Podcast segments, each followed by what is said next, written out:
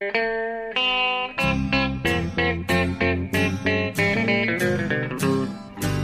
out there, we're on the air. It's hockey night tonight. Tension grows, the whistle blows, and the puck goes down the ice. The goalie jumps and the players bump, and the fans all go insane. Someone roars, Bobby scores at the good old hockey game. Oh, the good old hockey game is the best game you can name. Hallå, hallå, hallå, hallå, hallå, hallå, hallå, hallå, hallå. Yes, hallå och välkomna till NHL-podcasten. Avsnitt nummer 229 med Jonathan Mowgli Ondskan Ekeliv i den svenska huvudstaden. Ja. Och eh, mig, Per Baloo Bjurman i New York. Just det. Som vanligt. Ja. Och eh, ja, hur står det till, Mr Ekeliv? Ja, nej, men det står ganska bra till vill jag säga. Jag berättade ju förra veckan att mitt humör styrs eh, till stor del av Tampa Bay, så det fortsätter ju gå bra. Och när dessutom vi börjar närma oss trade deadline här så känner jag att eh, min... Eh, Ja, jag, är, jag är laddad, taggad och, och, och inspirerad kan man säga. Inspirerad. Harmoni, harmoni, kan man säga så? Ja, ja, ja. Bortsett från att någonstans i bakhuvudet så är du lite orolig också eftersom, eftersom eh, that's who you are. You worry. Ja, precis. Jag är orolig för att vi har någon dum trade och så chockar vi bort det i slutspelet. Det, det där vet ni, det där vet ni. Så att det, den där ångesten le- lever kvar lite grann i mig också. Så är det Ja. Hör du, idag ska vi, det här är ju då stora eh, trade deadline eh, avsnittet och vi ska gå igenom eh, eh, klubb för klubb och se vad, som vi, vad vi tror kommer hända. Eh. Och bara kort innan dess då så ska vi bara säga att eh, Ja, eh, det var... Det har inte hänt så jättemycket. Det är väl det som kanske är det roligaste med den här trade, trade deadlinen. Att det känns som att det kan bli på själva dagen. Det händer mycket. Ja, precis. Vi hoppas att eh, det inte händer något eh, precis efter att vi spelar in eller nu på onsdag, torsdag någonting. Utan att det, håller, att det fortsätter så här. Att det har varit relativt lugnt med de absolut största namnen åtminstone. åtminstone. Vi har ju sett en del trades här i månadsskiftet. Och det har varit en 11 transactions tror jag här i februari. Men de här som du säger, de här stora UFA-fiskarna. De här riktigt heta namnen som man spekulerar så mycket om. Eh, de är fortfarande kvar när vi spelar in det här Ja. avsnittet. Och det är ju med mindre än en vecka kvar till deadline. Så det är lovande. Yes.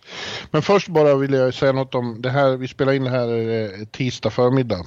Ja. Och eh, eh, några timmar innan så var det eh, några väldigt fina matcher faktiskt. Måndagsmatcher. Eh, Ja. där, den i San Jose kanske var den som stod ut allra mest när eh, Joe Thornton, Jumbo Joe, Ja. eh, gjorde hattrick för första gången på nästan tio år. Det var säsong, i oktober 2010 senast. Eh, och det var ju sådana fantastiska scener där. Jag vet inte om du såg det, men det Ja. var ju standing ovations och, och lagkamrater som var helt, eh, ja, de var helt tagna och ville krama om honom hela tiden. Och, och själv lyste han av Ja, lycka. verkligen. Han, var ju, han kände harmoni. Om det var någon som kände harmoni igår så var det ju Joe Thornton som bara njöt av den här upplevelsen att som snart 40-åring fortfarande var relevant att göra hattrick. Ja, ja det, var, det var fantastiskt att se. Han, men han är ju också en extremt folkkär figur. Både bland fansen och alla som har spelat med honom Ja. genom alla år. Han är extremt eh, omtyckt. Ha, Precis. har man ju förstått. Han har ju varit liksom franchise-spelare i två, två decennium nästan nu. Eh, och alltid liksom haft renommé om sig att ta, ta hand om sina lagkamrater på ett fantastiskt sätt. Bjuda hem dem och ha grillpartyn och sånt där har vi ju sett. Och han hämtade Vander Kane senast på flygplatsen efter den traden vid deadline i fjol.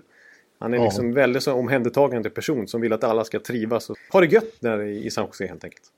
Ja, han har tydligen hjälpt folk ekonomiskt som har problem och hjälpt på alla sätt och vis. Han, är, han verkar vara en riktig helylle människa. Ja. Det var överhuvudtaget en väldigt bra match. Det målet han gjorde då innebar, att de tog ledningen med, med 5-4. Ja. Men Boston som är inne i ett riktigt fint stim just nu. Oj, vad, Eh. de- oj vad de vinner borta i Kalifornien. Ja, och de blinkade inte alls utan de fortsatte trots dessa, den emotionella laddningen eh, i San Jose. Bara fortsatte, han kvitterade på slutet och så avgjorde Charlie McAvoy. Ja. Chucky Brightlights som han kallas. Ja, det hade jag inte hört faktiskt. Men det lät som ett Bjurman-smeknamn. Nej, det är inte jag som har hittat på det. Chucky Brightlights, det är lysande. Gabby Gabby Hey. Ja, och sen var det ett, ett fruktansvärt tempo hela tiden. Men det, var, det gick igen på flera håll att det var bra och spektakulärt i måndagens omgång. Vi hade ditt Tampa som spelar mot Columbus. Columbus, det säger något om, om Tampas storhet just nu att, att eh, Columbus gjorde en kanonmatch och ja, fick var... ändå stryk med 5-1.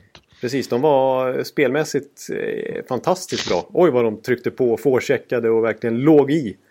Men, de, var ju eh, så, de startade ju med jädrar vilken, eh, vilken, vad aggressiva de var. De var verkligen ute efter Tampa i den här matchen. Precis, det var lite som vi brukar prata om när grundserie övergår till slutspel och det är liksom brustande hästar ja. kastas ut på isen höll jag på att säga. Ja, men det räckte inte mot Tampa. Tampa är för bra. Framförallt har de en lysande målvakt som höll på att hålla tredje, rad, tredje raka nollan och så har de ju då Nikita Kucherov som verkar vara i sitt livsform.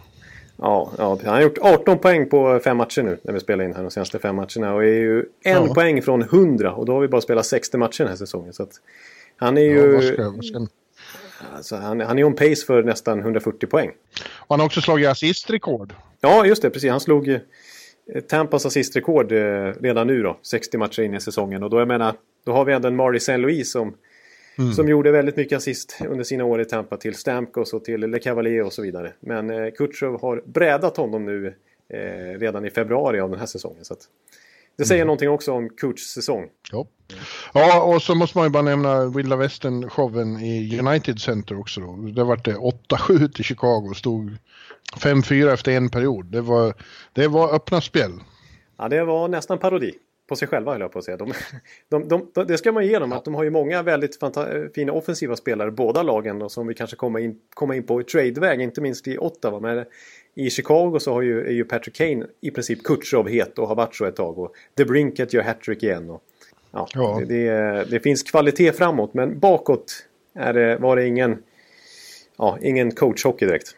Nej, men å andra sidan varje säsong rymmer ett par sådana där matcher när det, när, när det bara alla taktiska överväganden bara slängs eh, ut genom fönstret och så kör alla. Det är lite kul. Ja, ja vi, vi, som åskådare så är det ju underbart. Ja. Eh, tveksam om till exempel Jeremy Colleton stod där och njöt. Men de, de vann ju i alla fall. Så det är väl huvudsaken. Ja, ja men hörru du. Eh, vi tar oss, vi tar oss an det som vi är här för. Ja, precis. För det här är ju våran trade preview. Det är ganska långt i förväg. Det är nästan en vecka kvar. Så det kanske hinner hända saker som sagt. Det, reserverar vi oss för. Men vi kommer gå igenom alla 31 lag nu. Ja, några kanske vi bara... Eh, om, om jag kan hålla i dig. Ja, må, vi, vi, måste hålla det nere för vi, vi, visst, vi gillar ju att köra så här två, tre timmars poddar som vi brukar avsluta säsongen med. Men vi ska försöka ändå hålla det här på en rimlig nivå. Så vi kommer faktiskt att hoppa över vissa lag eh, och bara nämna något enstaka kring dem. Och fokusera på de som vi tror kommer vara de stora aktörerna eh, ja. den här veckan. Ja. Och vi kör bokstavsordning som vi har en, en viss förbläss för att göra. Ja, vi är inte mer kreativa än så. Utan vi älskar ju att vara lite traditionalistiska och kronologiska och eh, bokstavs... Eh... Bokstavstroende kan Bokstavstroende. ja, Bokstavstroende NHL-nördar. Ja, exakt. Ja, man kan tolka det som man vill. Men ja, det, det kan man säga. Mm. Ja. ja, och då börjar man, då hamnar man ju hos Anaheim då i, i södra Kalifornien hos Anaheim Ducks. Och eh. Det är ju ett lag som, eh, det ska bli intressant att se vad som händer nu med. De har ju faktiskt stoppat blödningen efter coachbytet. Eh, när Bob, Bob Murray, general manager, steppade ner i båset och eh, Randy Carlyle steppade hem. Eh, och eh, ja, jag pratade med Silverberg efter deras bästa match 2019 i alla fall, mot, när de slog Washington hemma och då sa Jakob Silverberg att det, det är som dag och natt. Ja, det är ju ganska eh, stor skillnad får man säga, om man uttrycker sig så. Men det hindrar inte att det har sett ut som det har sett ut som helhet under säsongen och eh, det ju, finns ju ganska betydande chans, snedsteg risk om man föredrar det, att det kommer hända saker här. Och just Silverberg själv är ju en av dem som står i fokus. Ja, precis. I och med att han är UFA. Och de, eh, visserligen finns det intresse från båda parter att förlänga. Inte minst Silverberg verkar ju trivas i södra Los Angeles och gärna stannar mm. men de verkar inte ligga helt nära när det kommer till eh, lön och kanske framförallt antal år det där kontraktet ska innebära. Men eh, eh han är en UFA och han kommer vara intressant för flera klubbar som kommer ju få in bud på honom. Ja. Eh, han är ju en av de här spelarna som Bob Murray, när han kliver ner, han sa ju det att han vill ju lära känna det laget på djupet. Stå i omklädningsrummet i båset och verkligen se vad det är för killar han har att göra med hands-on. Eh, för att liksom känna nu inför Dellen här om det är värt att skriva ett femårskontrakt med en sån som Silverberg och eh, den här eh, nya kåren om man ska säga så med Lindon Fowler, Manson, Montour, Raquel, Henrik, Richie och sådär. Som ska vara eh, på mm. riktigt mm. föra Anaheim framåt nu. Mm. Ja, han vill liksom identifiera vilka han verkligen ska satsa på om det är någon han kan avvara. I och med att de sitter lite tajt mot lönetaket också. Så att... mm. Ja, nu tror jag att Anaheim, visserligen är det ju så konstigt i väst, så trots, trots den här kollapsen under, under bortaresan så har de fortfarande, det är bara fem poäng upp nu efter en seger till. Det är ju så konstigt i väst, men, men jag tror att eh, inställningen är att den här säsongen in, de inte har några förhoppningar om något stort eh, och att de kommer att vara säljare. Det var talande att Murray för några veckor sedan här fick frågan om, eh, det var ju när de hade Kase, min favorit. Ja. Ja. Skickades på operation och missade resten av säsongen. Ja. Han har samma skada som eh, Hampus Lindholm hade 2017. Och då fick Bob Murray fråga varför väntar du inte som du gjorde med Lindholm? Uh, ja, då, då, svarade han, jag vill påminna om att vi gick till konferensfinal det året. Uh, och att uh, det gör vi inte nu, sa han inte, men man, det, det, det var, var mellan raderna. Ja, okay. ja, det är ju så ganska det tydligt. Att, ja, det är bättre att ta hand om den skadan nu. Så att... Eh, det säger ja, lite om ambitionsnivån. Ja. ja. Silverberg som sagt, det finns, skulle vara många som eh, vill ha honom. Cam Fowler pratas det också om. Eh, mångårige ankan. Ja, som har ett ganska nytt eh, fett kontrakt påskrivet där visserligen, men ändå. Det pratas ju även om Henrik som han signade nyligen också. Exakt, jag skulle just säga hans namn. Mm. De skulle väl gärna bli av med Ryan Kessler också, men det finns nog ingen som vill ha honom och hans kontrakt. Nej, nej. nej. Så att, ja, vi får se. Men det, det är Anaheim inte helt irrelevanta att ha koll på här. Ja, vi får se. Mm. Mm.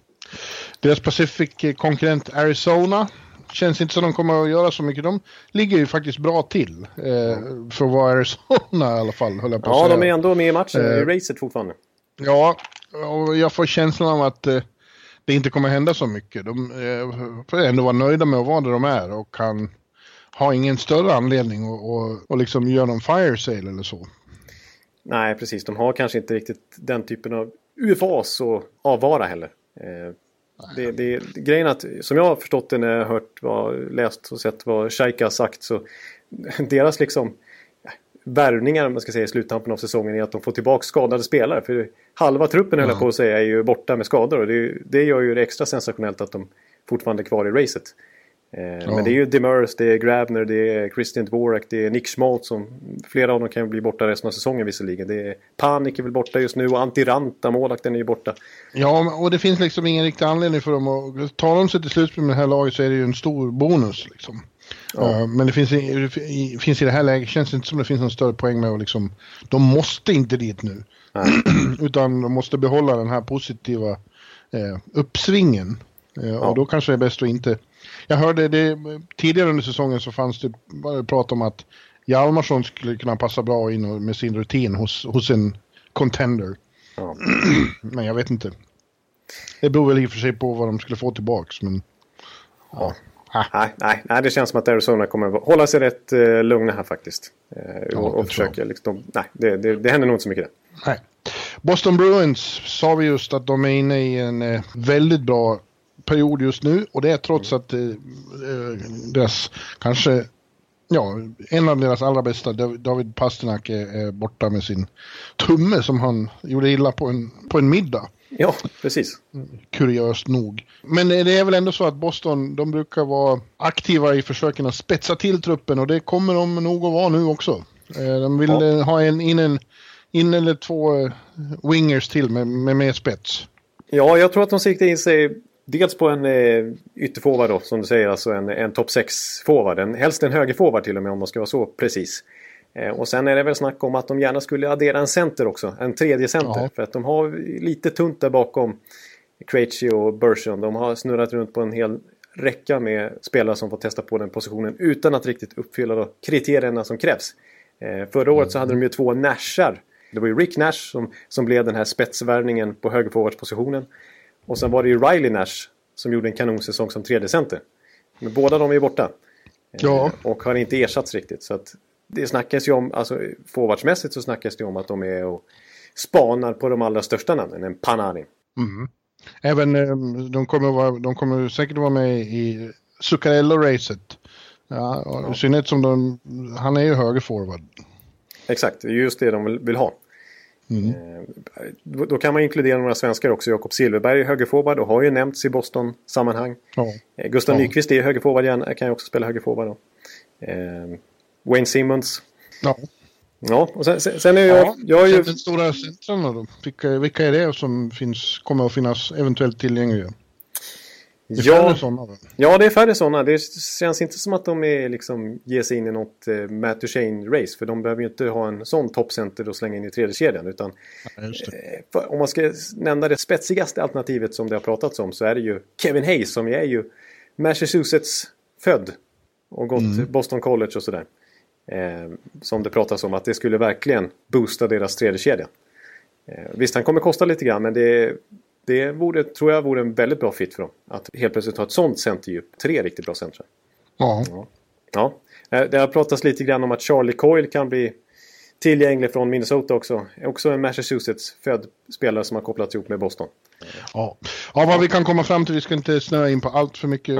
De, de kommer att vara köpare, de kommer att försöka stärka stärka upp truppen ytterligare. Och jag tror ju att Boston, vore jag Tampa-fan skulle jag vara lite nervös för Boston som vanligt. För det känns, de känns som en dark horse. Ja, det tycker jag också. De har en hel del råd att liksom släppa lite grejer. De skulle kunna ha råd att släppa Ryan Donato eller en Trent Frederick eller Urovana Kainen eller första val. De har ju mycket... Ja, då får vi se hur, hur mycket de är beredda att offra av framtid ja. för, för att gå, gå för det i år. Ja, precis. Det är ju svåra överväganden det där för general managers.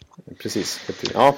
Så. Eh, en som kommer att ha mycket att fundera på närmaste dagarna är Botterill i Buffalo Sabres. För nu kändes det dessvärre som att Buffalo spelade bort sina kort lite under helgen med två väldigt bistra förluster. Först mot Rangers hemma. Ja. Och sen mot New Jersey borta. Där försvann fyra poäng. och, och nu är de plötsligt, eh, istället för att vara bara, vad hade de varit med de poängen? Då hade de haft 67 och var det två poäng från slutspel. Nu är de istället sex poäng bakom. Och det är mycket den här tiden på året. Precis. Eh, tyvärr. Eh, och då börjar ju frågan, framförallt blir ju frågan då, hur gör man med, med, med Jeff Skinner? Ja, men jag, jag, tror, jag tror Jeff Skinner, jag känner verkligen att, att de måste, det är en spelare som är värd att investera i. Alltså för att vara UFA så är han trots allt bara han fyller 27, han är 26 just nu. Det är ju väldigt mm. ungt för att komma ut på UFA-marknaden trots allt. Och han kommer från säsong med 36 mål, tvåa i skytteligan och fungerar perfekt ihop med Jack Eichel. Alltså, ja, jag tycker men, det, är men det, är fortfarande, det beror ju fortfarande på vad han begär. Mm. Han har väldigt mycket leverage nu och han har ju varit lite ojämn genom karriären. Så det kanske är riskabelt vi, att skriva för mycket. Tidigare, tidigare har vi pratat om att han var perfekt som en rental då, även om man inte signar upp honom så, så liksom, ska man till slutspel så är han ju perfekt att ha kvar. Men nu börjar det se ut som det inte blir så. Nej, nej precis. Att det, ja, det är ju ett övervägande för honom att ta. Men samtidigt. Jag tror, jag tror inte han är så lätt kanske för han, han har ju en no trade klausul och när Carolina, anledningen till att Carolina tradade honom till eh, Buffalo det var ju för att han tackade nej till massa trades. Han tackade nej till exempel till LA Kings. Eh, mm. ja, de enda tre alternativen han gav dem då eh, det var ju Buffalo, Pittsburgh och Toronto. Eh, mm. Och frågan är om de har råd med hans capita och vilja att investera honom. Jag tänker på Pittsburgh och Toronto. Annars kan han, han kan, har ju rätt att tacka nej till trade också, Jeff Skinner. Så det är, jag tror inte han är så lätt att... Och, och, Carolina fick ju ett ganska dåligt utbyte av Buffalo för att de var bakbundna. De hade inget, inga andra alternativ om de skulle överhuvudtaget få någonting. Ja. Att, mm. ja, ja. ja, men i så fall så händer det väl inte så mycket då? Nej, jag tror faktiskt inte att de vågar satsa riktigt i år heller och, och försöka ta in någon rental för att ta sig upp där. Det tror jag, jag tror inte riktigt de är redo för det. Nej, hade de, hade de legat lite högre kanske. Ja, då tror jag de hade kunnat vara intresserade av en Kevin Hayes eller något sånt där. För jag tycker också att deras problem är lite centerdjupet. Vi har ju pratat om att Casey Mittelset inte riktigt levt upp till förväntningarna inför säsongen. Att vara en gjuten andra center. Och Vladimir Sobotka som är tredje center nu, han har inte gjort mål på 42 matcher. Nej, att, och Berglund försvann. Ja. Som så, mm. så att det där tilltänkta centerdjupet har vi inte sett röken av nästan. Nej. Calgary där har vi en given köpare till, Calgary verkligen. Flames. De är ju verkligen med i, i racet. De är tvåa i sammanlagda tabellen. Visserligen 15 poäng efter Tampa då, men ändå tvåa. Ja, ja. Och de kommer ja, det är garanterat att de kommer försöka spetsa till det ännu mer och eh, där har det pratats länge om hela säsongen nästan om att de är ute efter Zuccarello. Ja, ja precis att de är ute efter eh, en, eh, ja, om inte, ja men en topp top 6-spelare. Eh, ja, ja, det är ju han. Ja, precis. Alltså i och med att James Neal inte riktigt har funkat där så vill man ju ha kanske helst en, en ja, hög... dessutom skadad. Och skadad dessutom, ja. Precis. Så att, det är ju fantastiskt fin första kedja där med Lindholm som har fungerat perfekt med Gaudreau och eh, Monahan och dessutom lyft deras spel. Eh, det är inte bara att Lindholm har växt av att få spela med dem utan det märks tydligt på siffrorna att de har boostats av Lindholm också. Mm. Och sen där bakom så är det ju Ketchak och Backlund som är ett fantastiskt radarpar. Men Frolik är kanske inte riktigt topp 6-material och där hoppades man ju att James Neal skulle ta den platsen. Men han har ju inte lyckats och är dessutom skadad. Så att Zuccarello nämns ju, men dessutom Mark Stone.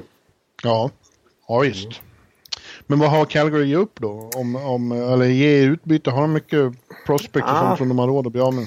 Nej, det, det, det, spekuleras ju en del alltså, i den här huggsexan som det kommer bli om framförallt Mark Stone i deras fall. Så att eh, det, de kommer få offra mycket. Så de har inte så mycket ändå eh, så djup prospect pool att eh, hova ifrån.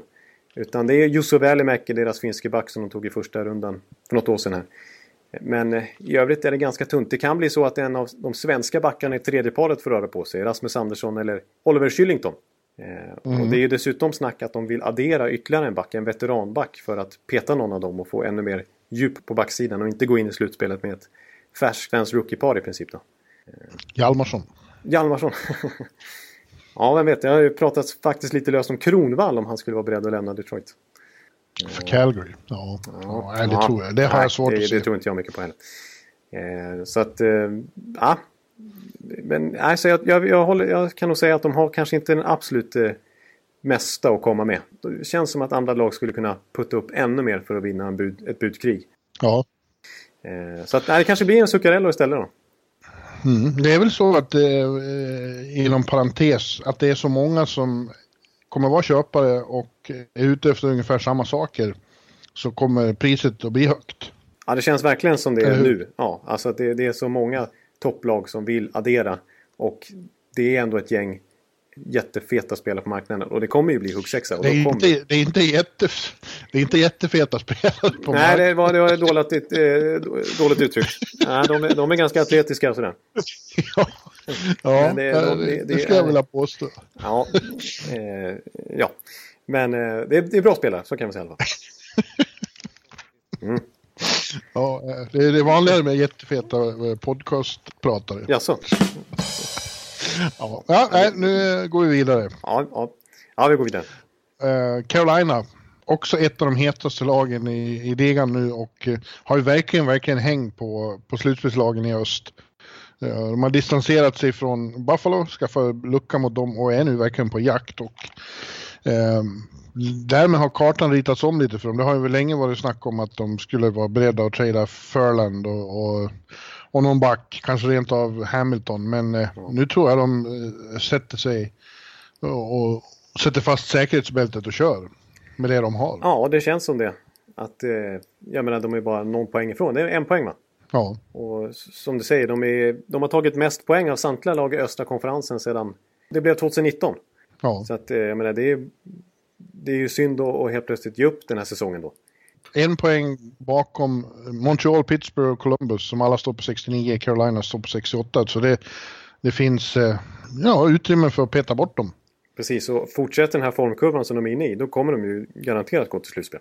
Ja, det tror jag. Så, så Tio års slutspelstorka ska vara över då. Exakt, de har inte varit där sedan 2009 så att de, de behöver ju det mentalt också. Hela ja. fansen och hela organisationen. Så att, ja. nej, det är lika bra att köra på här. Så det, är, ja. det kan bli tvärtom så att de kanske adderar Ja, det får vi se. Det skulle vara en intressant utveckling. Men det är nog säkert någon som vill dit nu vara med på vulkanen och, och fira ja, segrar. någon som blir, blir, limbo. slängas in i Bunch of Jerks. ja. var, var en del av dem. Ja, ja eh, Chicago.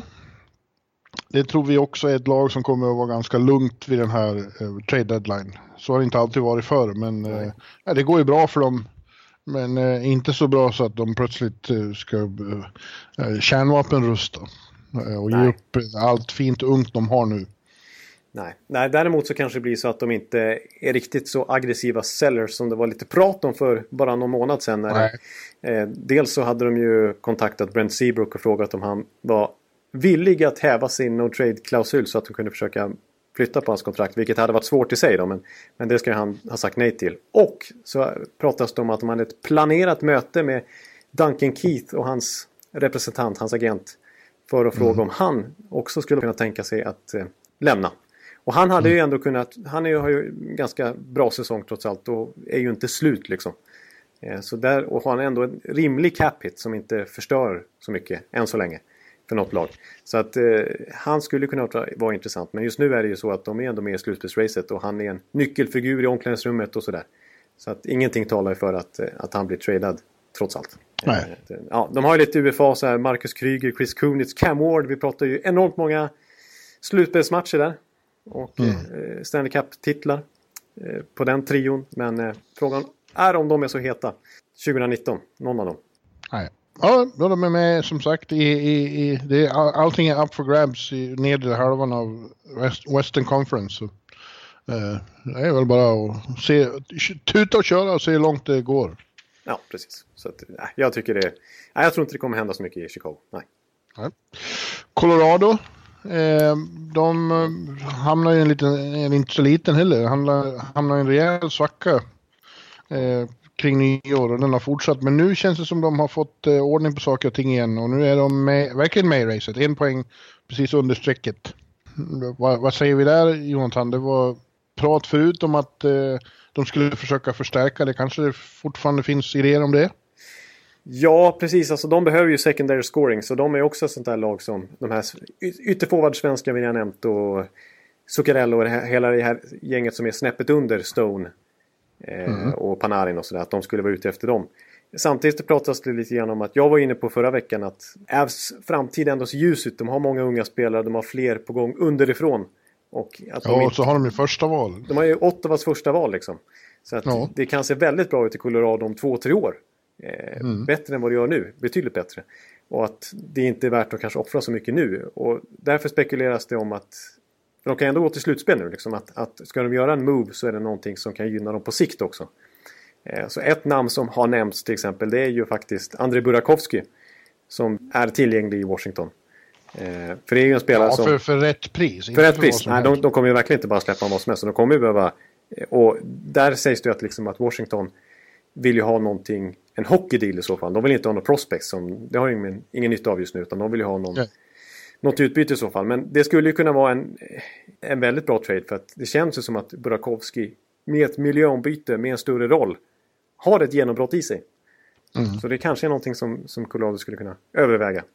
Eh, jag tycker också om vi pratar en, en annan free agent som finns i Ottawa som är, går under radarn efter de två stora så kanske Ryan Zingle skulle kunna vara något för Colorado. Också ganska ung, 26 år, UFA. Eh, kommer ju säkert bli överbetald i sommar med tanke på att han har en kanonsäsong i år som förmodligen är lite bättre än vad han egentligen kan prestera över tid. Men eh, han är ändå relativt ung så jag skulle våga kanske slänga lite pengar på honom om han har mycket löneutrymme som Colorado har. Ja. Att, ja. Eh, nu finns det inte så många målvakter tillgängliga men det har ju varit ett problem här under, under den långa svackan är att vare sig Valamov eller Grubauer har eh, övertygat. De har varit Nej middle of the road eh, och inte vunnit några matcher åt dem. Nu var ju Walamov då bra igår. De slog eh, Dallas och han höll nollan. Ja. Eh, så kanske han kan svinga sig uppåt på, till en annan nivå. Men, men grejen är väl att det, såvida inte Bobrovski blir, blir tillgänglig så är det inte jättemycket målvakter. I, inte nu sen Cam Talbot hamnade i Philadelphia. Nej, ja precis. Alltså, Jimmy Howard är det ju prat om, men jag vet inte. Ja, vi får se om en Brian Elliott kanske blir tillgänglig nu när nu har han haft en lång skadeperiod. Ja, men, Vem törs satsa på honom? Ja. Han är ju jämt skadad. Ja, det känns inte som något att hålla i handen om, om man vill ha en första målvakt, men som en... Ja, jag vet inte. Vi får se. Nej, jag tror att de lutar sig mot eh, Grobauer och Varlamov under slutet och hoppas att det ska räcka. Ja. ja, men Jonathan, vi kan inte fastna i alla lag så här länge Nej. som vi har gjort nu. Nej, så nu får vi rappa på. Det är dig man får knuffa på, för du kan sitta och prata i Jag kan timmar. prata jättemer. Jag skulle kunna fortsätta om Colorado, men vi, vi går vidare. Ja, och då är det Columbus och eh, där är ju då stora frågan hur de gör med duon eh, Panarin Bobrovski som inte vill skriva på förlängningar. Och går man för slutspel och har dem som rentals eller tradar man dem och får i så fall extremt mycket för dem eh, inför framtiden. Det beslutet måste Kekkelainen ta inom de närmaste sex dygnen. Ja, han avgör ju organisationens framtid på ett betydligt större plan än vad man brukar prata om vid en trade deadline. För det här ja, påverkar ju... slutspelet också. Ja, precis. De är ju den största aktören på hela. De är viktigare nästan än, än Ottawa skulle jag säga vid den här deadlinen. Vad, hur de agerar. Ja. För det är ju, framförallt Panarin är väl det största namnet som kan bli tillgängligt. Ja, framförallt han. Ja. Men jag, tyck, jag tycker Kekkelinen, det man hör, att, att hans approach är rätt att sätta ett skyhögt pris på honom. Alltså nästan orimligt pris så att det verkligen ska till något extremt för att någon klubb ska kunna träda till sig honom. Och det kanske är någon som gör det för att det är ju ändå en enorm förstärkning att få in Panarin i ett slutspel. Oh. Så att ja, det kan ske men, men får de inte en, ett jättebra return. Om det blir något, bara något första val av någon prospect som inte är super super elite. Då, då är det inte värt det. Då är det bättre att, behålla Panarin och försöka vinna en slutspelsserie för första gången i klubbens historia. Ja, ja kanske det ja. För, för ja, det... inte annat ekonomi. Men så, då vet man ju med sig också att uh, man förlorar honom i sommar för ingenting. Precis, för han kommer ju 100% inte att stanna och ingenting talar heller för att Bobrovski kommer stanna.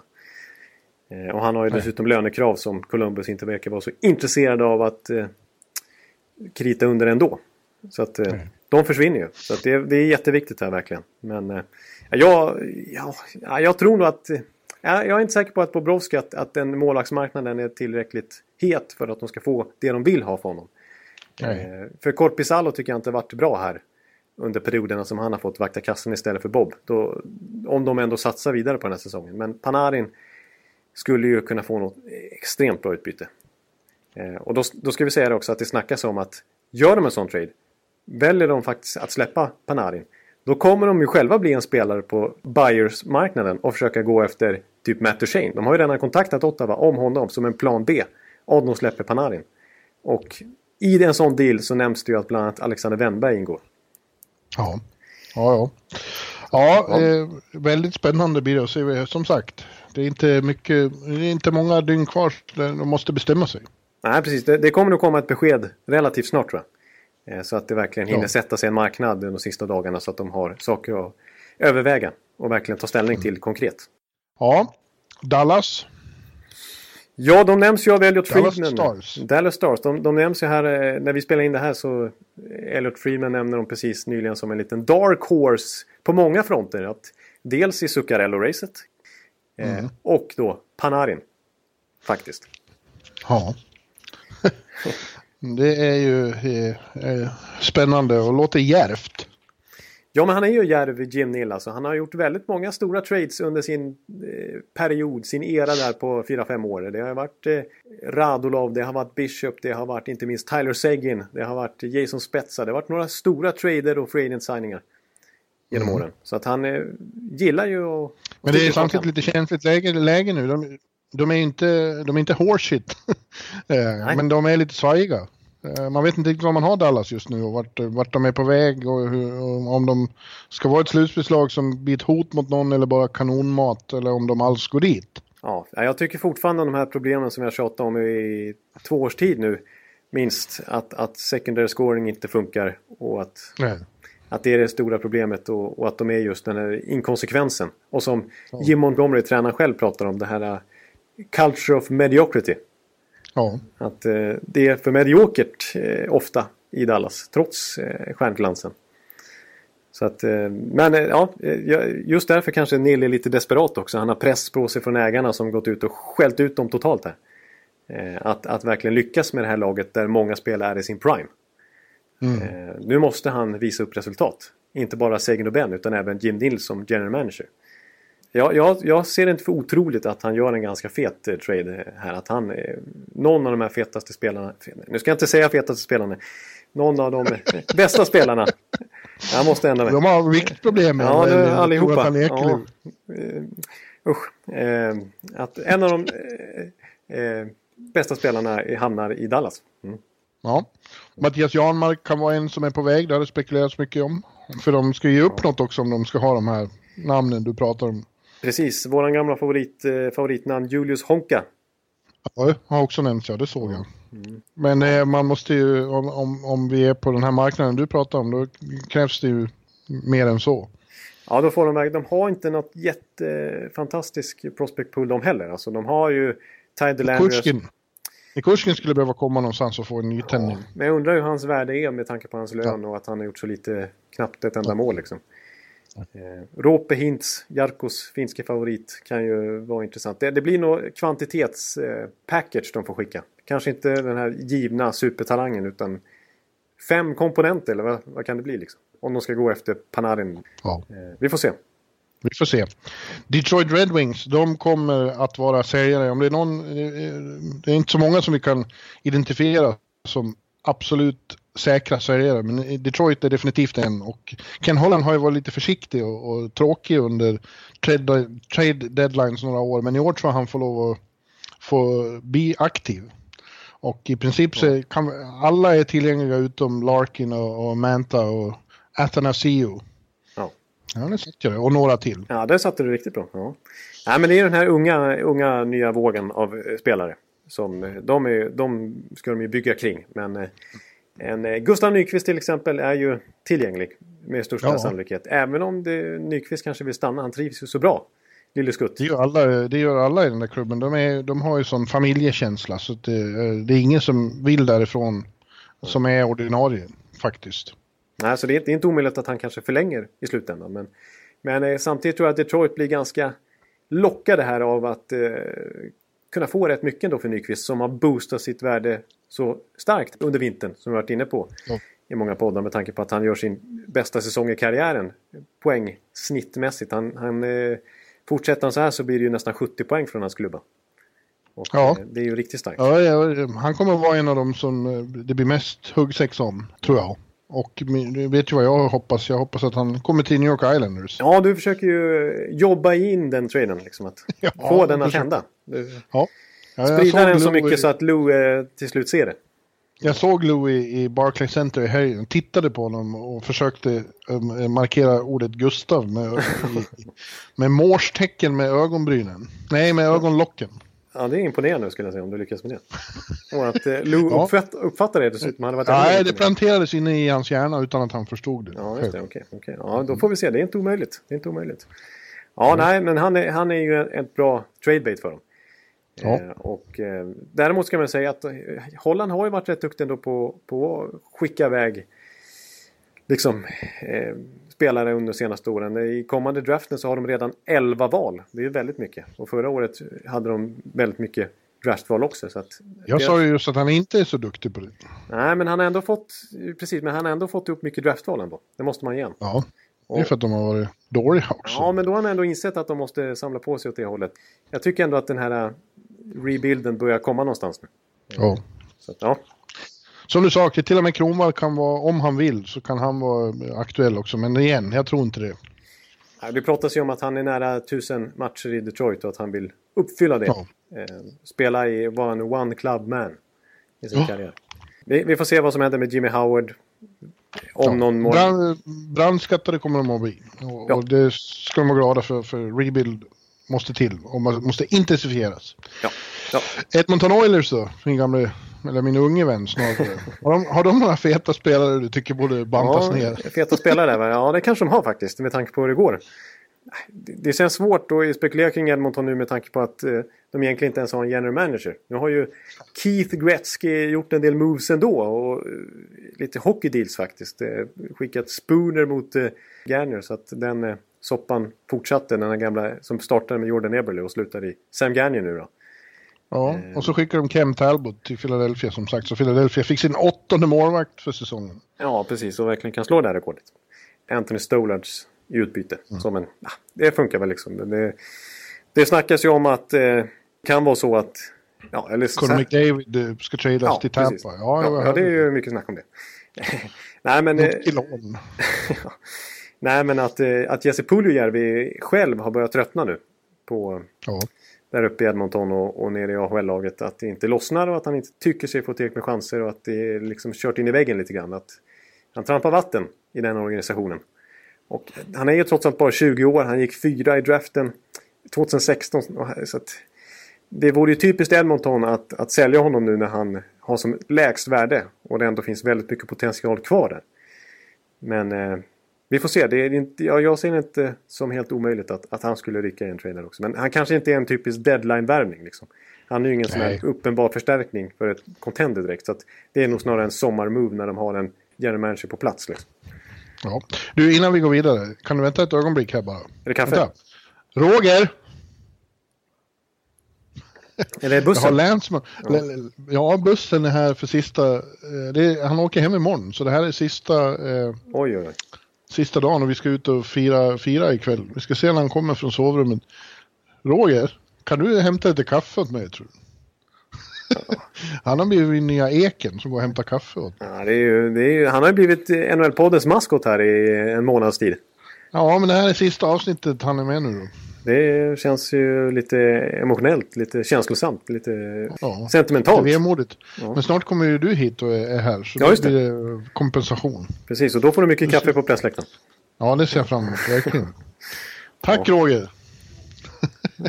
ja, nu har jag en färsk kopp äh, hett kaffe här, så nu kan vi gå vidare med Florida Panthers. Ja, men perfekt, perfekt. Ja, precis. Eh, Florida är ju är ju intressanta med tanke på att de gjort plats ekonomiskt för eh, stora moves. Men jag tror ju inte att vi ser så mycket av Panthers här vid deadline utan att det är i sommar som de på UFA-marknaden ska kasta iväg de där pengarna. Eh, mm. På Panarin snackas det om och Bobrovski att det är de de siktar in sig på. Om nu de vill till Florida, det, det är nästa steg. Då. Men, ja. ja. ja, det är ju det. Precis. Det är inte så lätt. Nej, nej. Men eh, de är ju borta från racet. De har ju närmare till jumboplatsen än vad de har till slutspel nu. Så att det, trots att Barkov gör snygga mål och sådär och de spelar ibland frejdig offensiv så är de ju inte nära slutspelsracet. Eh, att... Nej, som vanligt den här tiden på året så är de borta. De, de har en väldig förmåga att fälla sig själva. Det är ju tråkigt tycker man med, med tanke på att de har så fint lag. Ja, ja visst. Truppen är ju utmärkt. Liksom. Ja, det är det finns inte så många svagheter egentligen på pappret. Det visst, bredden är kanske inte klockren och backsidan finns det väl några tweaks man skulle vilja göra. Men det är ändå ett, ett starkt lag som ska kunna hålla till på övre halvan av tabellen. Det, de ska kunna vara... Mike Hoffman hörde jag någon som uh, muttrade om att han eventuellt kan bli uh, tradad. Ja, det... som där, men han har ett år kvar på kontraktet efter det här. Han har, han har ett väldigt prisvärt kontrakt uh, på omkring 5 miljoner dollar med tanke på vilken målgaranti han är. Han gör ju på 30 mål liksom per säsong. Mm. Eh, och han väldigt formstark den här säsongen. Så det vore ju om de vill frigöra ännu mer löneutrymme av någon anledning så. Han har ju nämnts. Även Jonathan Huber då, men det har ju slagits tillbaka. Att han skulle vara tillgänglig. Däremot så fick de ju två UFAs från Pittsburgh i både Derek Brassard eh, och eh, Riley Sheehan. Och Brassard kan jag ändå tänka mig, Brassard kan jag ändå tänka mig Eh, är en sån spelare som blir tillgänglig med tanke på han har ändå 90 slutspelsmatcher på kontot och är ju ja. fortfarande i en okej okay ålder och UFA så att, och kanske inte så dyr längre heller. Så att... Det blir en kort semester i så fall för honom i Florida. Ja, han trivdes ju bra där och började titta på hus direkt och tyckte det var så gött i solen. Men snart så är han väl i... i jag säger ett lag. Winnipeg. De var ju ute efter, efter han förra. Jag chansar på eh, att Brassard kan hamna i Winnipeg. Jaha. Mm. Los Angeles Kings. Eh, där har det ju också hetat hela säsongen att alla utom Drudari och eh, Anse Kopitar är tillgängliga. Och eh, det gäller väl fortfarande även om de har hostat upp sig lite grann. Ja, precis. Exakt. Nej, vi får se hur mycket de... Eh, det pratas ju om att, eh, att det finns en liten chans att Kovalchuk kan skeppas därifrån. Ja, eh. han är, det har vi ju konstaterat flera gånger. Det, det var ett, ett misstag att signa honom. Ett år som alla pratade hade varit en bra chansning men tre år var idiotisk satsning. Precis, och det fanns en anledning till att det andra konkurrenter i den förhandlingen föll bort ganska snabbt när, när de insåg att han var ute efter så många år. Men eh, det som gör att de kanske kan bli av honom och att det kan finnas köpare i det här fallet är att LA Kings är beredd att behålla ganska mycket av den lönen. Mm. Så att man ändå kan få ner capitet över resterande kontraktstid. Eh, det pratas ju faktiskt att Lula Muriello som fick se honom svika Devils en gång i tiden skulle kunna vända sig åt det hållet eh, om man inte får tag i, i Panarin eller, eller Nyqvist som du vill ha dit. Mm. Även Don Waddell i Carolina faktiskt. Eh, som hade honom i Atlanta en gång i tiden. Att Carolina skulle kunna tänka sig Kowalczyk, kraftigt reducerad capita. Så att säga. Ja. Men även andra, till och med Jonathan Quick då, som inte är så bra just nu, eh, kan bli aktuell och alla, det har pratats om backar som Alec Martinez borde ju vara väldigt intressant för många. Ja. Eh, Ja, det tror jag. Ganska hanterbart kontrakt också. Hagelin är en annan som eh, får vara beredd på att han kan bli skickad eh, och att han blir någon som vill ha återigen slutspelsrutin och speed. Ja, och, precis. typ, och penalty kill styrka. Ja, en fjärde kedjegubbe liksom för att fylla på bredden. Det kan ju bli skador och sånt där också. Alltså han är ju... Om vi pra- pratar slutspelsrutin, han är alltså över 120 matcher. Eh, där gick ju långt flera år i rad oavsett vilken klubb han spelar i. Så att eh, han har verkligen rutin. Så att, och det pratas ju om att, att han är, har ett gott renommé runt om i ligan. Många lagkamrater har tyckt om att ha honom i omklädningsrummet och sådär. Jevgenij Malkin hade honom som favoritkedjekamrat till och med. Så att eh, folk trivs med Hagelin i, i laget. Ja, Sellers är de. Ja, det är de. Normally, being a little extra can be a bit much, but when it comes to healthcare, it pays to be extra. And United Healthcare makes it easy with Health Protector Guard fixed indemnity insurance plans. Underwritten by Golden Rule Insurance Company, they supplement your primary plan, helping you manage out of pocket costs without the usual requirements and restrictions like deductibles and enrollment periods. So when it comes to covering your medical bills, you can feel good about being a little extra. Visit uh1.com to find the Health Protector Guard plan for you.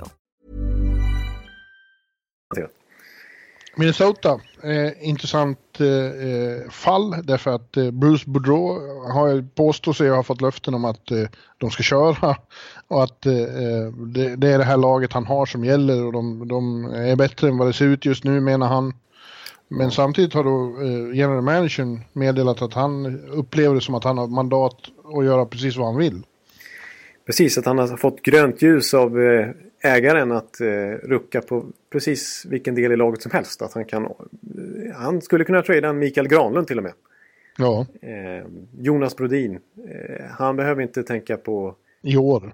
nej, att, att rusta laget i år och gå till slutspel för sjunde året i rad. Utan nu är äga, från ägarhåll är man lite trött på att det här att de trampar vatten där. Att visst, de går till slutspel, de har ingenting där att göra. Det var ju smärtsamt tydligt i fjol att de med ungefär samma trupp inte hade någonting att hämta i Winnipeg.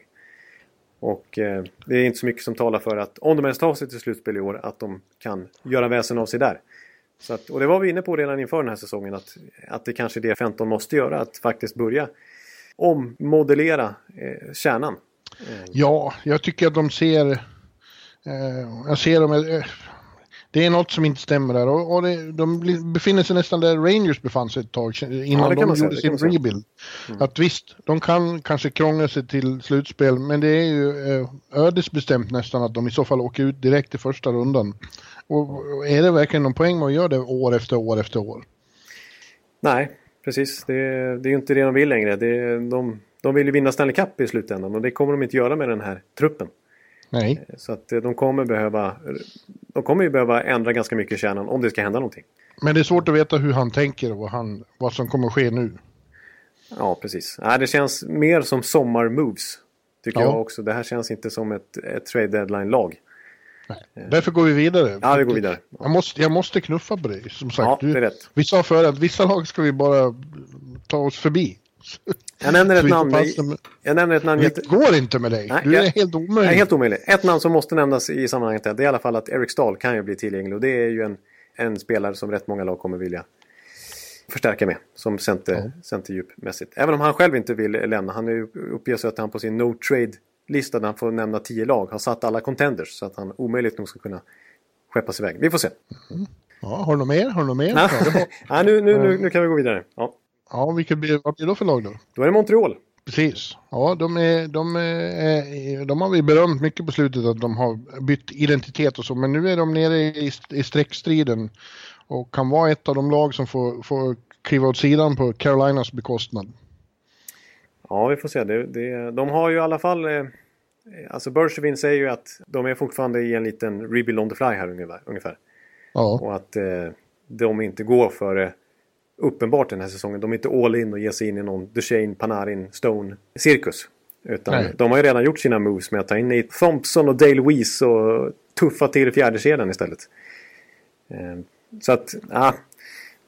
Däremot kan man ju nämna att, att det som Montreal-fans och så här reagerat på är att dels Bergevin själv och framförallt scouter under hela februari har sett Anaheims matcher.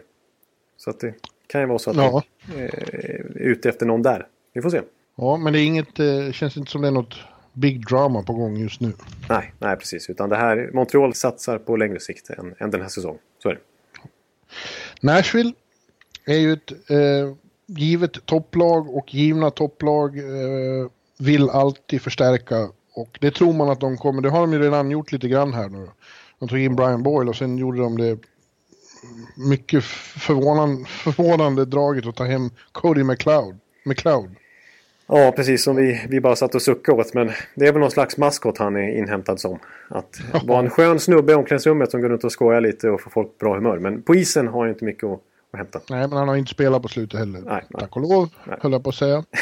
eh, men det är inte omöjligt. Han, David Poyle har ju aldrig varit rädd för uh, stora saker. Och, uh, även där så det är samma sak där. De kommer kanske att jaga på sådana som Nyqvist och, och, och Zuccarello. Ja, men så nämns det ju att de är i allra högsta grad med i Panarin-racet. Och, och nu när vi spelar in det här så känns det som att det hetaste namnet i Nashvilles fall är Matt Duchene faktiskt. Eh, ja. Som ju David Poyle under två års tid försökte få från Colorado. Så slutade med en trevägsdeal där, där man fick Kyle Turris istället. Och Duchene hamnade i Ottawa.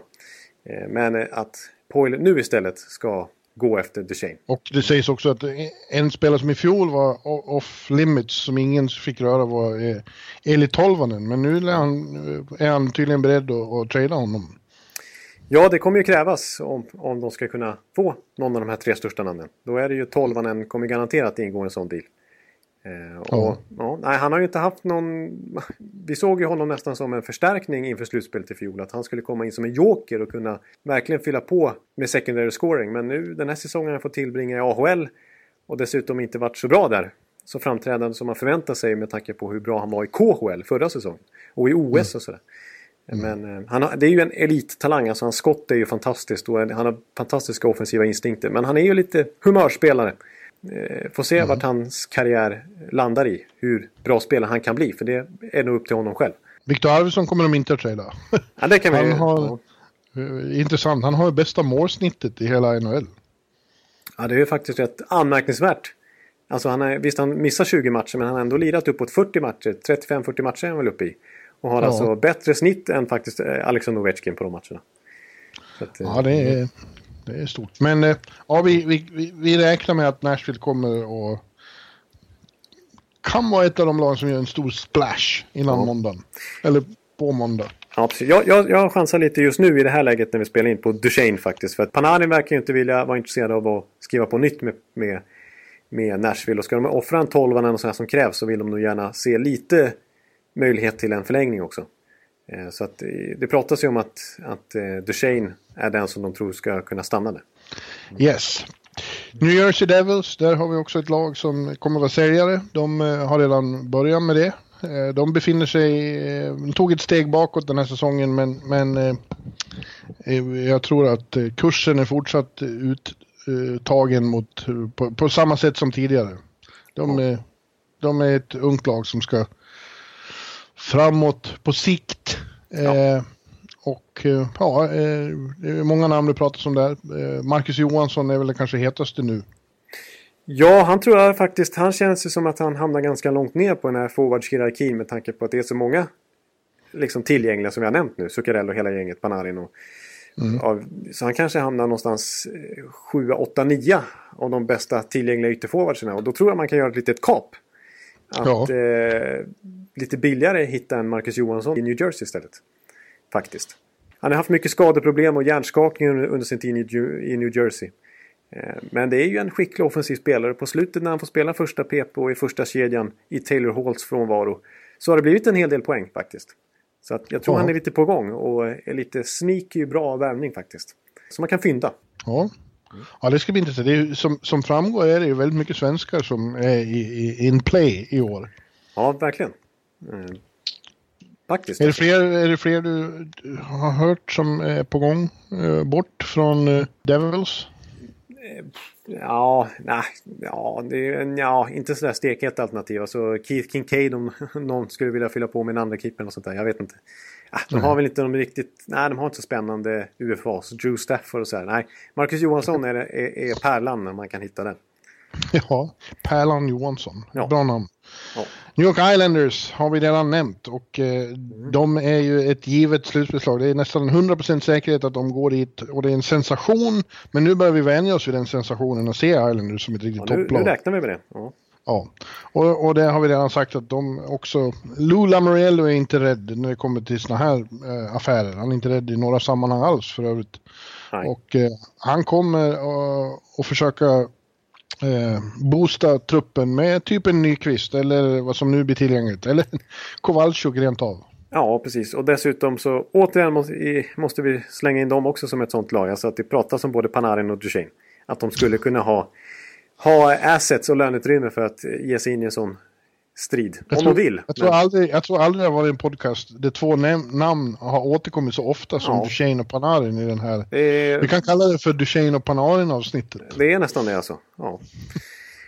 Osannolikt, men så är det, så är det i alla fall. Eh, och, och, eh, men där sipprar ju inte ut så mycket uppgifter. För så är det ju i Lula Muriello-lag. Att, eh, Ja. Där hålls informationen sluten inom, eh, inom byggnaderna. Så att, eh, det- vi vet inte så mycket hur de kommer att agera. Men de har löneutrymme och eh, de har lite de kanske- prospect. Så, Ja, de kanske rent av skickar våran eh, gamla favorit Josh Hosang. ja, det är inte omöjligt. Nej. Han verkar inte riktigt få någon eh, chans att etablera sig. Han, han verkar inte vara någon som de gillar så mycket.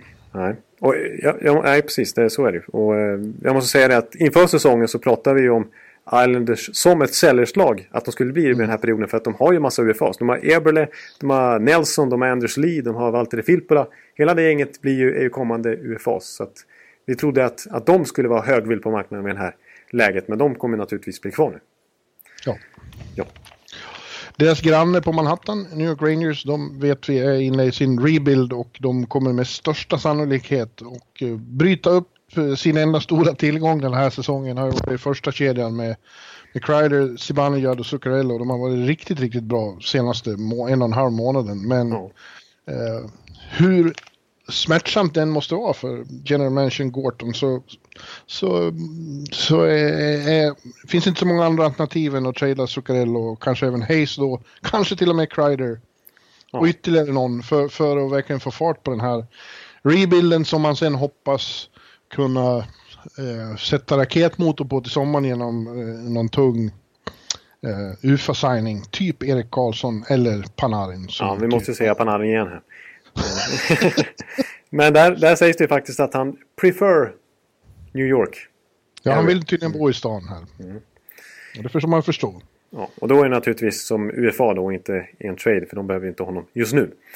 Eh, Så att, ja, nej, det ska bli spännande. De kommer ju att offra, som du säger, Zuccarello är ju i princip 100% klart. Det, det talas det om till och med från Zuccarello själv att han bara sitter och väntar på att det ska ske. Ja. Och Ja. Kevin Hayes eh, har ju också boostat sitt värde den här säsongen. Gör ju sin bästa säsong poängmässigt och är faktiskt uppe på 42 på 49 matcher den här säsongen. Ja, men framförallt har Zuccarello höjt sitt värde bara sista månaden. Ja. Innan dess, eh, han, i början, i höstas så gick det trögt. Han var ju nästan därför- deprimerad. Av, eh, Ja, på grund av det här ja. Men nu har han kommit över det och bara spelat sin bästa hockey ihop med Mika och Kreider. Ja. Ja, jag, ska, ja, jag tar ett namn. Vi kommer till det laget som jag tror kan vara intresserad av Hayes senare. Så jag spar det. Mm.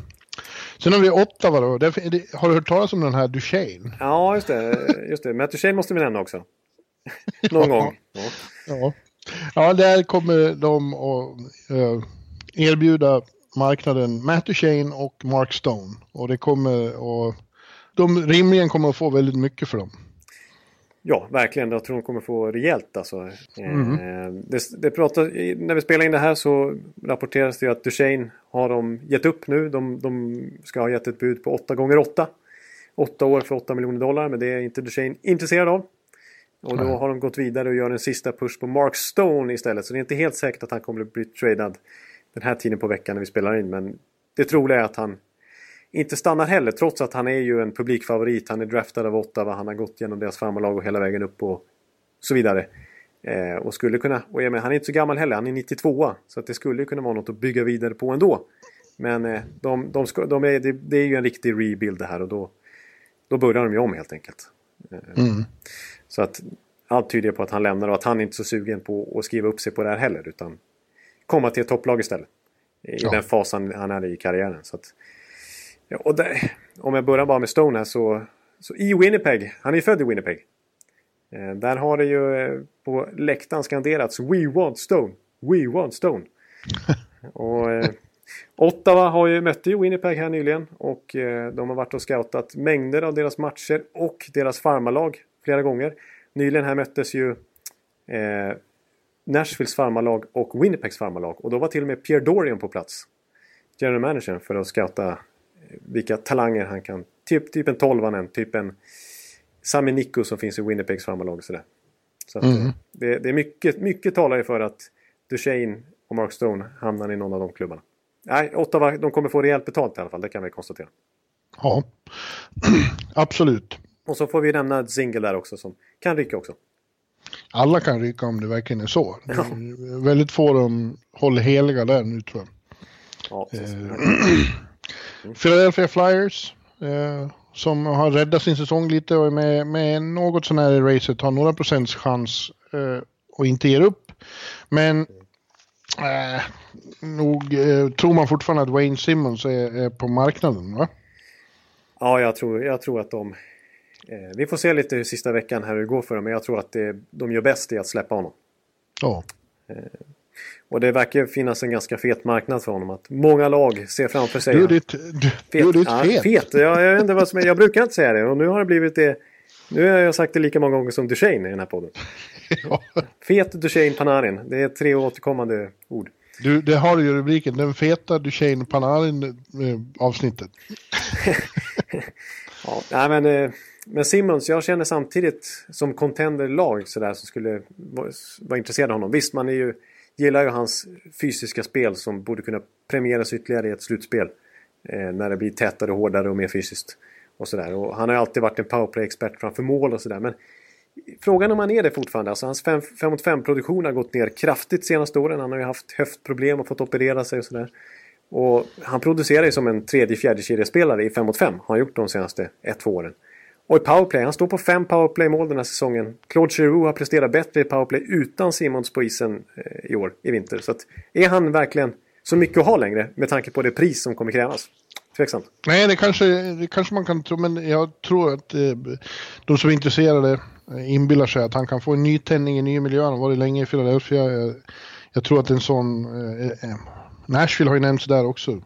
Och att han i, i, i en sån ny omgivning ändå kan eh, studsa tillbaks. Det känns ju som att han borde passa i slutspel. Ja. Och, och, ja. Att, och att det, som du säger, att en nytändning för hans del skulle kunna innebära ett lyft. Så ja. Att, ja, jag förstår att, att det är många som är intresserade av honom. Sen har jag mina frågetecken. Men, men eh, självklart tycker jag att Philadelphia ska passa på att trada honom. Han kommer få minst ett första val. Och det, det är ju värt det. Yes. Pittsburgh. Eh, ja. De har redan gjort... Eh, han är ofta aktiv, Rutherford, och har gjort en rätt så stor trade där när han tog in Bjugstad och skickade Brassard. Brassard. Brassard. Mm. Uh, och eh, ja, vem vet om de kommer göra något mer. Det går inte, det går inte som tåget i västra Pennsylvania direkt. Nej, precis. Och det var någon som skojade här att eh, om det inte fanns någon trade deadline då skulle han snitta, fortsätta snitta en trade per månad. Eh, jag menar, han gör ju alltid mycket trade under säsongerna och innan den här Bjugstad, McCann, Brassard, gänget traden där så var det ju Tanner Pearson mot Hagelin och vi har sett eh, Daniel Språng mot Marcus Pettersson och sådär. Mm. Eh, så att det är, även om det påstås från Rutherford-håll att han nödvändigtvis inte kommer göra något mer så, så brukar han ju ändå inte kunna hålla fingrarna borta. Liksom. ja, men något stort tror man inte kommer hända. Nej. Nej, nej, men du kanske försöker fylla på bredd, forwardsbredden lite ytterligare där. Eh, kanske någon back nu när Olle Mäte är borta. Mm. Eh, vi får se, men jag tror inte att de är en spelare på de alla, nu säger jag det igen, fetaste namnen. Ja. Nej. Sen har vi hetaste laget i ligan, de heter St. Louis Blues. Tio raka och tre raka nollningar på det. De är ju, man häpnar ju faktiskt inför vad bluesmännen håller på med. Ja, det är sanslöst vilken form de helt plötsligt... Nu har den här bygget som Armstrong satte i somras när han tog in O'Reilly och mm. David Pron och Bosek och allt vad det var verkligen fungerat. För problemet var att i början av säsongen så lyckades ju nyförvärven ganska bra. Och Riley inte minst. Men de gamla spelarna fann sig ju inte alls i, i, liksom i den nya hierarkin i omklädningsrummet. Eh, Nej. Det var ju många spelare, Tarasenko inte minst, men många därunder. Eh, mindre namnkunniga spelare underpresterade också. Eh, ja, men... kan du tänka dig att i höstas så, så började det sägas att det är lika bra att de tradar Tarasenko som nu är så svinbra. Exakt, och det var även snack om Pietrangelo och Pareko och sådär. Ja, ja. Alltså att de ska spränga bygget helt enkelt. Och, och nu är de ju svinbra, de är hetast i hela NHL just nu. Eh... Ja, de börjar ju snart komma kapp Nashville. Ja, det är så pass till och med att de hotar topplagen i, i Central. Och de, de har ju seglat ifrån fullständigt trodde vi. Eh, ja, och, att, alltså, och det mest sjuka i hela sagan här, som man nästan får börja benämna det som, är ju att Jordan Binnington, Binnington har spikat igen kassen totalt i match efter match. Ja, och, eh, vem kunde tro det? Det var ett namn nästan ingen hade hört innan säsongen. Nej, visst, han har spelat JVM för Kanada och sådär tidigare, men sen har han varit väldigt anonym. Och Doug Armstrong själv, general manager, har sagt att det fanns inte på världskartan att, att Jordan Binnington skulle vara en bärande spelare för vårt franchise den här tiden på året. Eh, inför säsongen så såg han honom som andra keeper i AHL. Ja. Om det var någon som skulle pusha bakifrån bland AHL-målvakterna så var det finske Ville Husso. Men helt plötsligt så är det Jordan Binnington som har konkurrerat Jake Allen som första keeper. Och, håller, och har vunnit hur många matcher i rad som helst. Så att, eh, otroligt! Eh, mm. Och tittar man på underliggande siffror så, där så har de inte så mycket tur heller. Utan de är bra. De dominerar matcherna. Detta lag. Craig Berube, en, en, en, en eh, Jack Adams-kandidat. ja, det trodde man inte efter hans tid i Philadelphia. Att han skulle kunna gå in och frälsa ett annat NHL-lag. Nej, uh, inte men det har han verkligen gjort. Ja, inte den mest moderna coachen direkt. Men han är en sån här rak och tydlig old school som sätter krav. Uh, ja. Sådär, men... Uh, och, mm.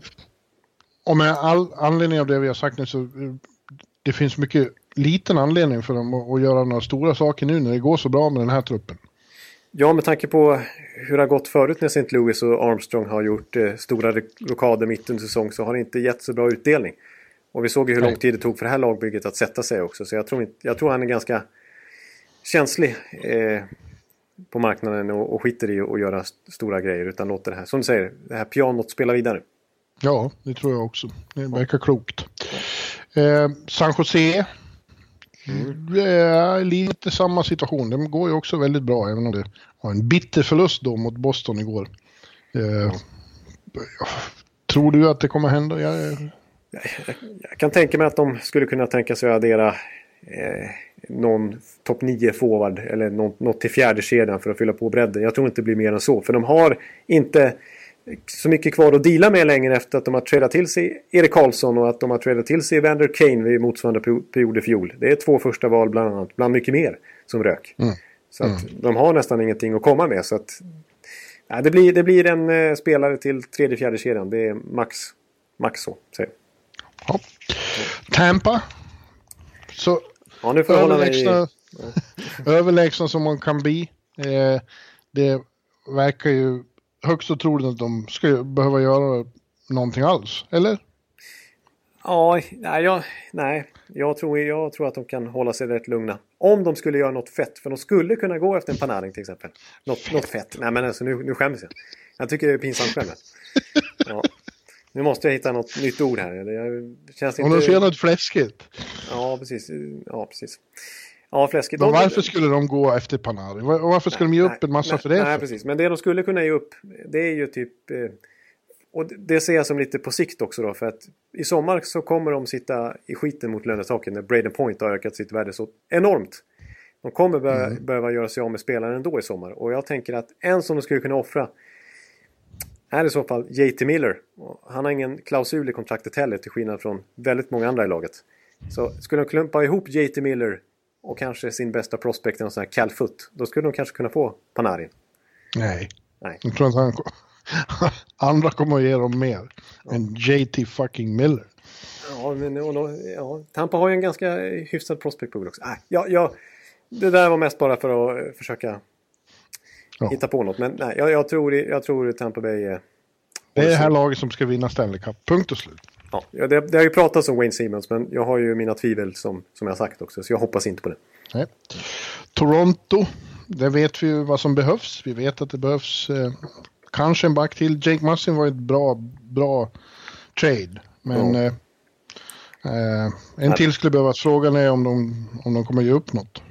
Högersidan där på backfronten är, är fortfarande lite frågetecken. Men ja, som du säger, jag, jag har mina tveksamheter kring att de kan lägga sig på allvar här och, och, och, och gå efter stora namn. Utan det kanske blir någon breddspelare till. Men, ja, I synnerhet som de har gjort klart att de inte tänker eh, offra eh, prospect som Liljegren och, och... Rasmus Sandin. Ja, just det. Ja, det sägs att det är stort intresse i typ Andreas eh, Jonsson och Kasperi Kapanen och sådär som kommer bli svåra att behålla på sikt när de nu höjer sitt marknadsvärde för var match som går. Eh, mm. Men eh, Toronto vill ju gärna behålla dem. Eh, för att ha, fortsätta ha så fin bredd forwardsmässigt under slutspelet. Här. Så det blir nog snarare i sommar som de ryker i så fall. Ja, nej, jag tror Toronto inte kommer vara en aktiv spelare. Utan de gjorde sin stora trade i Massi.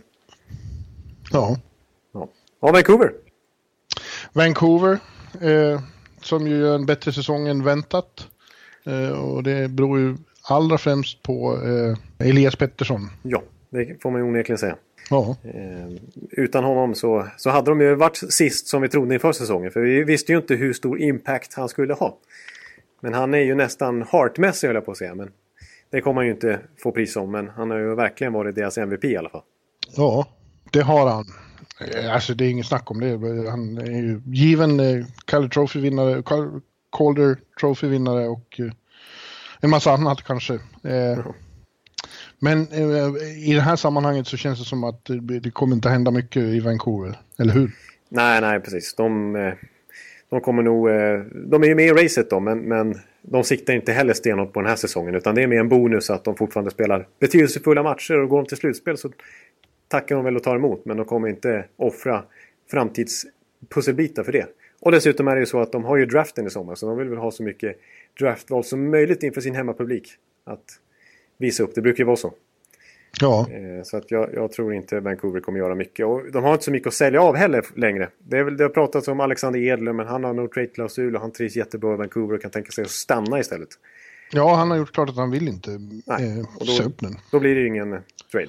Men jag hoppas fortfarande att de går till slutspel och får spela en, att Elias åtminstone får spela en eh, runda i slutspel. Det vore ju väldigt kul.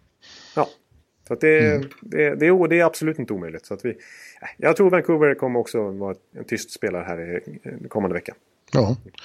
Eh, Vegas däremot, de eh, är eh, alltid aktiva, höll jag på att säga. Det är svårt att säga alltid om ett lag som har funnits i ett år. Ja. Men det är uppenbart att George McPhee eh, eh, vill gärna eh, ta alla chanser att förstärka. Ja, det ska bli intressant faktiskt att se hur de agerar. För att de uppgifterna jag har hört i det här läget är att de inte ändå kommer, att de inte är så aktiva när det kommer till att, att ge sig in i bud kring, kring de allra största, fläskigaste namnen. Eh, jag har ju pratat om Mark Stone, att det skulle vara en perfect fit där. Han skulle vara, passa bra i alla contenders. Men att Vegas har löneutrymme och prospect pool mm. och, och så vidare för att ha råd att investera i honom. Även på sikt. Eh, men det verkar inte vara stekhett eh, spår. Så att vi får se vad de gör. Det kan bli någon, jag tror att åtminstone eh, forwardsmässigt så, så ger de sig på någon av de här i, i det nästa skikt. De som vi har pratat om. Svenskarna och eh, Zuccarello och Zingel mm. och det gänget. Eh, där tror jag mm. att Vegas kommer sikta in sig på, på ett nyför. Men så mycket mer än så är tveksamt. Något kommer hända. Något kommer hända. Kanske en back, vi får se. Ja, något, något händer ju alltid i Vegas. Ja. Sen har vi näst sista laget som heter Washington Capitals och är eh, regerande mästare. Ja. Mm. ja. ja. Vi, vi har pratat mycket om Burakovsky flera månader nu. Eh, ja. Och han, mot rätt eh, byte så kanske de byter honom. Men i övrigt så tror jag att det kommer att sittas ganska still i Washington. Ja, de har väldigt lite löneutrymme också. Ja. Så de måste i princip göra sig av med någon annan alltså, spelare i nuvarande truppen för att, för att kunna göra någonting. Det, det som det nämns i alla fall det är att de kanske ska göra en ny Mikael Kempney-tweak lite grann. Alltså få in en... Han fick dem ju ganska billigt från Chicago i fjol. Eh, att de ska försöka hitta någon ny back, breddback som, eh, som går lite under radarn. För att förstärka bredden på backsidan inför slutspelet. Att det är någon, en svaghet de kanske ser trots allt och som de vill försäkra sig om att fixa. Ja. Men så mycket mer än så tror jag inte det blir. Nej. Nej, de, de hoppas på uh, samma sak som i fjol, att det här laget som visar att uh, de kan spela slutspelshockey och att de kommer att börja mullra igen när det, när det blir dags. Ja, precis. De det är i lite... princip, i princip intakt lag sedan dess. Ja, precis. Och de kanske är lite brända av vad som hände året innan också. Ja, exakt. När, när de gick stenhårt på Kevin Shatterkirk och det sket sig totalt. Så att... Mm. Men nu kommer vi till slutligen till laget som du tror kommer gå efter Kevin Hayes då. De, eh, ja. Winnipeg. Redan i fjol så gjorde de ju en eh, kanonvärvning kring trade deadline och tog in Paul Stastny och fick en andra center som, som gjorde dem till en contender. Ja. Och de är, eh, har möjlighet och utrymme att göra samma slags trade igen. Han är ett alternativ, men vi har ju också pratat om Duchene. Där har ja. vi pratat om hela säsongen. Ja, precis. Och så pratas det ju faktiskt också om, som jag nämnt då, som fansen så gärna vill ha, hemmasonen Mark Stone. Och han är ju inte center, men han är liksom som en center till spelstilen med tanke på att han är en possession driver. Han är en sån som flyttar fram spelet och tar tag i en kedja och bär den på ryggen. Eh, han är ju en spelfördelare liksom som skulle kunna fungera ihop med en Patrik Laine till exempel som suktar efter passningar att skjuta in. Liksom. Eh, men visst, man tycker att, att en center är det de behöver. Och, och Kevin, ja. Kevin Hayes med tanke på att han kanske är lite billigare än de andra alternativen är ju spännande med tanke på hur duktig han är på att flytta fram spelet och ha fina underliggande siffror den här säsongen. Och är en riktig playmaker också. Ja. Eh, att han skulle kunna passa ihop med, med Line och Ehlers, precis som Stasny satt som handen i handsken i den formationen i fjol. Så att, ja, det blir spännande vad Winnipeg hittar på. Det är högst troligt att de, eh, att de gör någonting i alla fall. Ja, det, det tror jag vi kan utgå från. Det kan man nästan säga 100 procent. Mm. Ja. Ja, då har vi gått igenom 31 lag, hur du. Ja, precis. Det var en... Eh, det, vi hade kunnat hålla på i, i, tre timmar, men jag tycker ändå att vi höll oss någorlunda eh, rimligt. Och att du, att du lyckades hålla mig lite från att snurra in mig fullständigt på, på alla 31 lagen. Ja, och eh, vad jag kan se på Twitter så har inget, eh, eh, har inget hänt under inspelningen i alla fall. Men det kan ju fortfarande hända mycket innan det här kommer ut. Ja. Man vet aldrig, det kan smälla vilken sekund som helst eh, nu. Ja, nu är, har vi kommit så långt in, eh, in i februari så att eh, vi räknar nästan med det. För något år sedan här, två år sedan i alla fall, så var det ju mycket trader som skedde med en vecka kvar ungefär. Ja. Så vi får se. Det, det, krävs ju att den första dominobrickan verkligen faller. Att en av de här fläskigaste namnen flyttar på sig. Då, då, är, det ju, då är vi igång på allvar. Ja. ja. ja. Men eh, ja, det blir spännande dagar nu och vi, vi kommer väl tillbaka med en, en podcast så fort vi kan efter, efter eh, när allt är sagt och gjort på måndag. Precis, vi kör väl en, en podd på måndag då helt enkelt. På, sent på kvällen? Sent på kvällen, det kanske kommer ut på tisdag morgon eller sånt där. Vi, vi, kommer, vi siktar på det i alla fall och då är det alltså live-tv vi kör på Sportbladet. Ja, just det. Eh, tre, tre timmar lång eh, deadline-sändning. Där mm. Bjurre dyker upp från New York och i, i studion här hemma i Stockholm så har vi så är det Kristoffer Bodin, målvakts-Bodin. Som, som håller i trådarna och är programledare. Jag kommer sitta med i studion. Linus Hugosson från eh, NHL-teamen kommer vara med också. Stort. Eh, ja, precis. Professorn. professorn som du, du, du kallar han, han kommer dyka upp. Så att det, det, blir en, det, det ska bli väldigt kul faktiskt. Och, och, så hoppas vi ju att, att eh, mycket att de fetaste namnen är kvar till dess också. Ja. Eh, det var det det. Det var det. Ja. Ja, eh, spännande som sagt dagar och vi eh, återkommer eh, och då blir det ännu mer spännande. Ja, då, då, precis, då återkommer vi dels med själva sändningen men sen med ett summerande avsnitt när vi knyter ihop trade deadline-cirkusen. Ja. Helt enkelt. Yes sir. Ja, men då med det så säger vi väl eh, tack och adjö då. Ja, vi gör det. Eh, tack, och, tack och bock och trevlig, trevlig vecka fram till dess. Hej. Ja, hej hej. Hallå, hallå, hallå. Hallå, hallå, hallå. Alex Chiazot, Joe Luis Arena och Esposito. Esposito. Uttalsproblem, men vi tjötar ändå. Och alla kan vara lugna, inspelningsknappen är på. Bjuder Hanna Kohl, han är grym i sin roll. Från Kållesoffan har han fullständig kontroll på det som händer och sker. Det blir ju allt fler som rattar in hans blogg. Och lyssna på hans podd. One, two, time, speed, so Hallå, hallå, hallå. One, two, time, speed, so Hallå, hallå, hallå. Ekeliv, som är ung och har driv. Verkar stor och stark och känns allmänt massiv. Han hejar på Tampa och älskar Hedman. Sjunger som Sinatra. Ja, och det ser man. Nu är det dags för refräng. Dags för magi, Victor Norén. Du är ett geni. Så stand up at home and remove your hats. Höj volym, för nu är det plats. One, two, time, speed, so Hallå, hallå, hallå. One, two, time, speed, so Hallå, hallå, hallå.